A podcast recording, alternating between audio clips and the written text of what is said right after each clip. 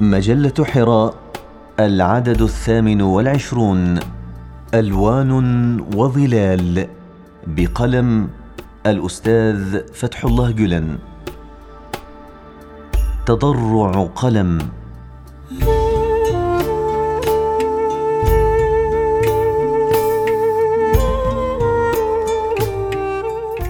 تكلم يا قلم. واصرخ يا مداد. يا من بالقلم أقسمت أعوذ بك أن تلمسني يد جافية ويستخدمني عقل غبي وروح ضال وهبني يا رب إلى من إليك يكتب وعليك يدل.